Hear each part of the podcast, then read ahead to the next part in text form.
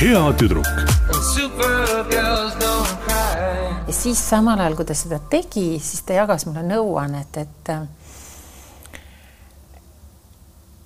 seksuaalseid nõuandeid ka miks sa hinge kinni hoiad ma mõtlesin, mis sealt nüüd tuleb, ma mõtlesin, mis sealt tuleb et, et kummalisi nõuandeid, et ma võin siin natuke midagi paljastada, ta ütles, kus asub. G-punkt või? ei mis ta ütles siis? ei, ei, ei, ta ütles, et ei ole hea alati lõpetada orgasmiga, mida me kõik ootame.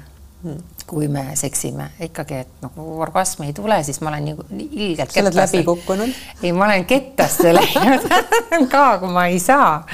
ja, ja naised ju tihti valetavad, et nad ju saavad igast. sa paned selle maski ette mitte keegi ei tea, kas sa saad või ei saa. ei, me teeme ju, naised teevad vastavat, vastavaid häälitsusi, petavad nagu mehi.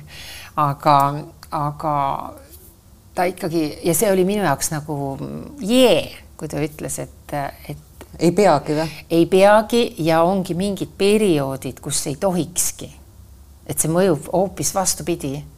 et see ei tee sind ilusamaks, see ei mõju sulle toniseerivalt hästi, et mingite kuufaaside ajal tuleb hoopis ennast tagasi hoida ja see oli väga rõõmustav sellepärast et, et vähem teesklust aga jah, tal olid sellised kummalised nipid ja siis ta ütleski mulle konkreetselt, et nii, sellest kuupäevast, no ma käisin korra kuus, ta käis Tallinnas ja siis ma käisin ta juures ja ütles, et vot nendel ja nendel kuupäevadel, et noh, et kui sa oled vahekorras, siis, siis ürita ennast tagasi hoida ja ära saa seda orgasmi, mida sa nii väga tahad. no see oli ka hästi huvitav. tavaliselt siis ma just sain.